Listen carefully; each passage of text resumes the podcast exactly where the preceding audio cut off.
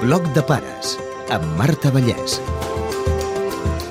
Avui parlem de l'assetjament escolar amb la Carme Escudé i en Jordi Colell, experts en bullying, mestres, psicòlegs, màsters en psicopatologia infantojuvenil i membres de l'Observatori Internacional de la Violència Escolar. A golpes contra el suelo, desahoga su rabia y su miedo. Intenta comprender por qué sufrir le toca a él. Assetjament escolar, bullying, de què estem parlant? Una sèrie de conductes que fan generalment un grup de nens envers un altre nen o nena. Són repetitives en el temps. Normalment van increixendo. Poden començar doncs, per anomenar amb algú amb un mal nom, no? i llavors doncs, van increixendo, van increixendo. A vegades acaben desapareixent i dius, mira, ja s'ha acabat, no? o a vegades diem bullying quan això no, no s'atura. I continua repetint, repetint-se, i poden durar molt de temps. No té res a veure amb una baralla puntual. Són intencionades, no són dos que es troben casualment i dius, mira, sinó que un va buscar l'altre. No és un conflicte, això. A vegades dius, són coses de canalla, entre ells, no, no, no és un conflicte. Entraria dintre de, de les coses aquestes que són d'abús de poder. Hi ha una part que és forta i hi ha una altra part que és dèbil i que cada vegada és més feble, fins que arriba un moment en què necessita ajuda. El maltractament adopta diferents formes. El que seria el maltractament físic, que consistiria en picar, amenaçar, empentes, pagar, el maltractament verbal i el que seria l'exclusió social. A vegades comença sent maltractament verbal, comença sent exclusió social i acaba amb l'agressió física.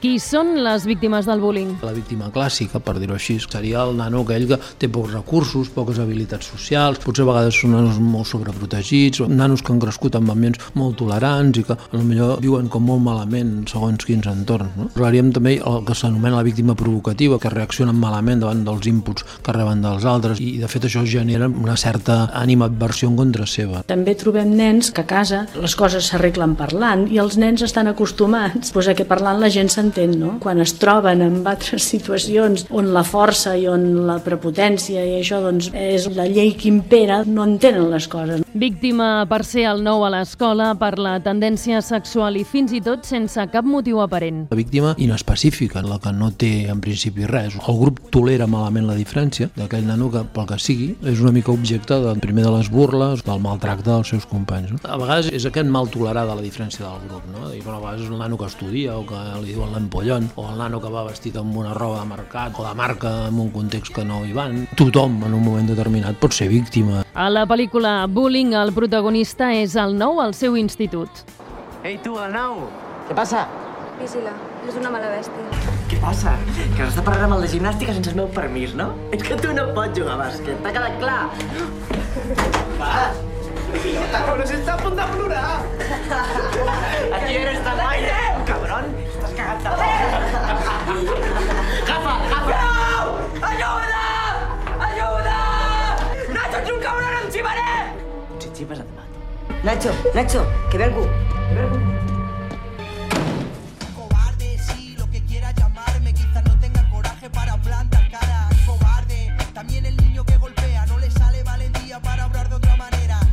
Assetjament també a través de les xarxes socials. És un fenomen bastant en alça. Tot el tema de les gravacions amb mòbils. Això del ciberbullying moltes vegades està en l'arrel d'algunes conductes de bullying, que es comença per això, no? De vegades jo he trobat alumnes de quart de primària que tenen perfil al Facebook, jo.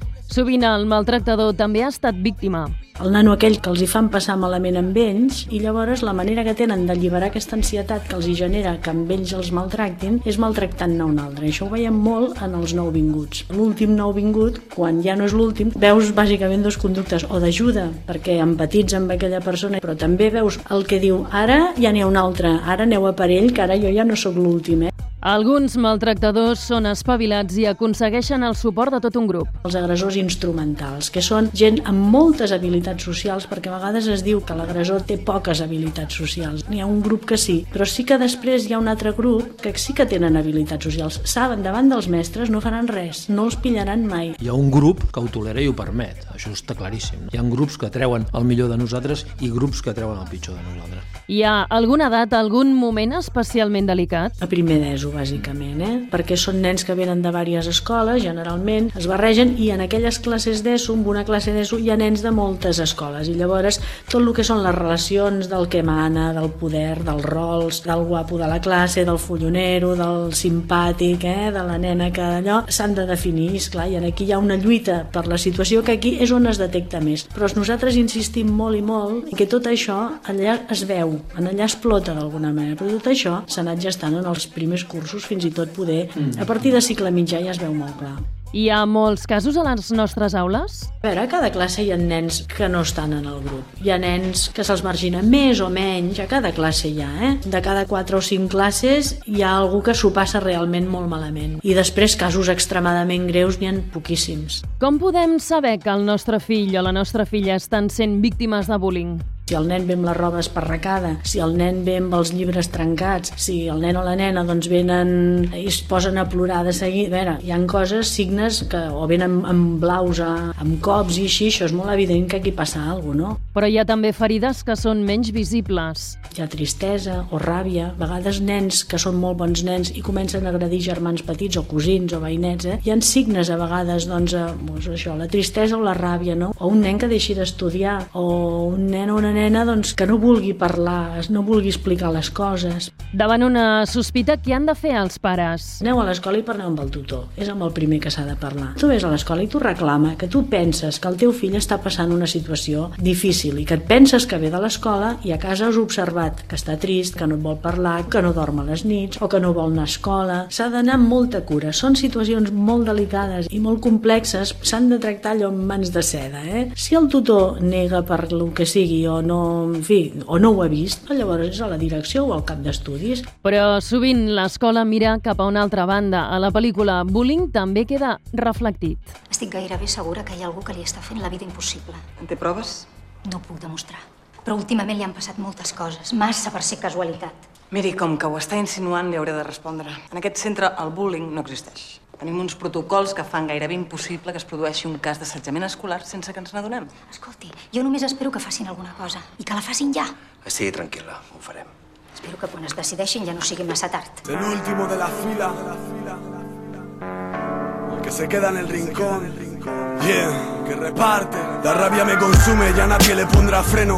La falta de valores... Han de parlar els pares de la víctima amb les famílies dels nens maltractadors? No és recomanable, no? I que a més de vegades que l'agressió se soluciona agredint, no? Que llavors és allò del cicle de la violència. Hem d'escoltar el nano, però clar, bàsicament és anar en el centre, perquè és un fenomen que es produeix en el centre i és en el centre on s'hauria de poder solucionar. Com s'intervé per resoldre el conflicte? Amb el grup sencer no es parla de la situació immediatament, eh? Tu vas treballant, de les relacions, com si no parlessis d'ells, no? I al cap de, doncs, quantes sessions, quan s'ha parlat de com se sent un quan el maltracten, poder dius, i això no passa aquí. Parles de lo que els hi passa amb ells a la classe. Es passa un qüestionari, veus una mica quins rols juga cadascú en el grup, veus els punts forts de l'aula, els nanos més empàtics, aquells nens que de natural ja ajuden, i d'altra banda també veus els punts febles, qui sempre queda sol, vas fent una tria i dius, a veure, si parlo amb aquest, hi ha tècniques, estratègies, no?, de buscar amics, no?, a vegades tu que ets la guai de la classe, no?, tu has vist que el sotano, el nano, no?, jo m'estic preocupada perquè la veig que està sola, podries fer-hi alguna cosa? I a vegades hi ha nens que espontàniament diuen, ah, doncs sí, doncs mira, jo a l'hora del pati la puc anar a buscar, i aquí s'ha acabat la situació. Per fer aquesta intervenció i que surti quan abans millor. Després a secundària això ja és més difícil. Per trobar una sortida cal comptar amb tots els implicats, la víctima i també els assetjadors. Els experts són els nens. Ells saben a qui li fan, qui ho fa, a qui li passa, quan, a on, si fa poc o si fa molt que dura. És amb ells que hem de preguntar. I amb els nens que els estan passant aquestes coses també és preguntar i tu què penses que podríem fer? Els hem d'ajudar a pensar. Treballar la prevenció evitarà situacions que es poden complicar. Aquestes conductes, per exemple, d'exclusió o així ja són presents des de l'educació infantil. No? L'actuació bàsicament sempre ha de ser preventiva. Quan abans es detectin aquestes conductes i abans s'intervingui, menys s'enquisten, millor solució se'l pot donar. Perquè clar, a vegades segons quines situacions arriben molt deteriorades, és com molt més difícil la intervenció. La prevenció també inclou escoltar sempre els fills i educar-los en valors. La compassió. No? Jo penso que la compassió d'alguna manera també s'ha d'ensenyar. No tant de patir amb l'altre, però sí de commoure'ns pel seu patiment. Jo penso que això és important, escoltar el nostre fill. I escoltar-lo sense retrets i sobretot, diguem-ne, fer un acompanyament una mica emocional. Si el nostre fill ens relata, doncs mira, és que avui a l'escola m'han dit qualsevol cosa, és sobretot molt important reconèixer l'emoció. Entenc que això t'ha de sentar malament. Centrar-nos més en la conducta que no pas en dir, oh, el que t'ho ha dit és una persona dolenta o així. Vull dir, escoltar jo crec que és fonamental. Whenever I'm cool, my parents put up a fight. And if I'm hot shot, mom will cut my hair at night. Sentim la cançó Hair de Lady Gaga. La cantant molt combativa amb el bullying, que també va patir, ha creat una fundació per acabar amb l'assetjament escolar.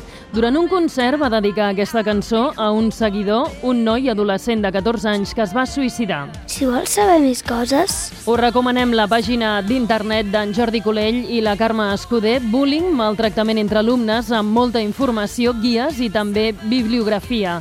Per exemple, llibres que en parlen per als pares Mamà se rient de mi, de Michael Thompson, editat per Medici, o Conductas de acoso y amenaza entre escolares de Dan Olweus, publicat per Ediciones Morata.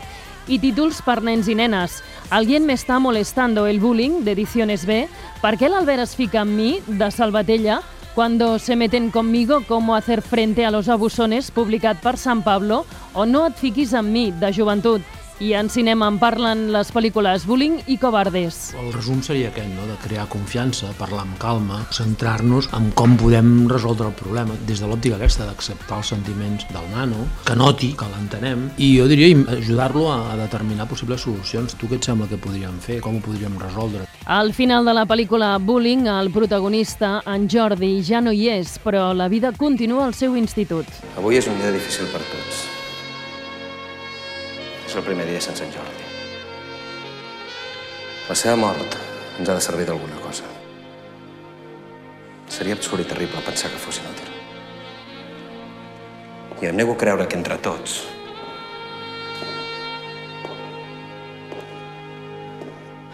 que entre tots no puguem canviar certes coses.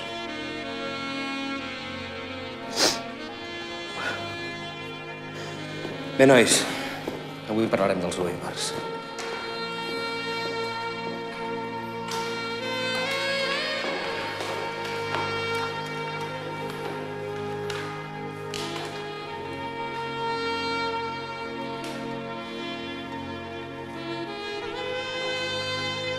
Segons els estudis de la Unió Europea, el 39% dels alumnes escolaritzats pateixen bullying, sent el Regne Unit el país amb el percentatge més alt. A Espanya, un de cada quatre és assetjat, és a dir, un 25% dels nens en edat escolar. El més preocupant és que el bullying continua creixent i no som capaços de detenir-lo.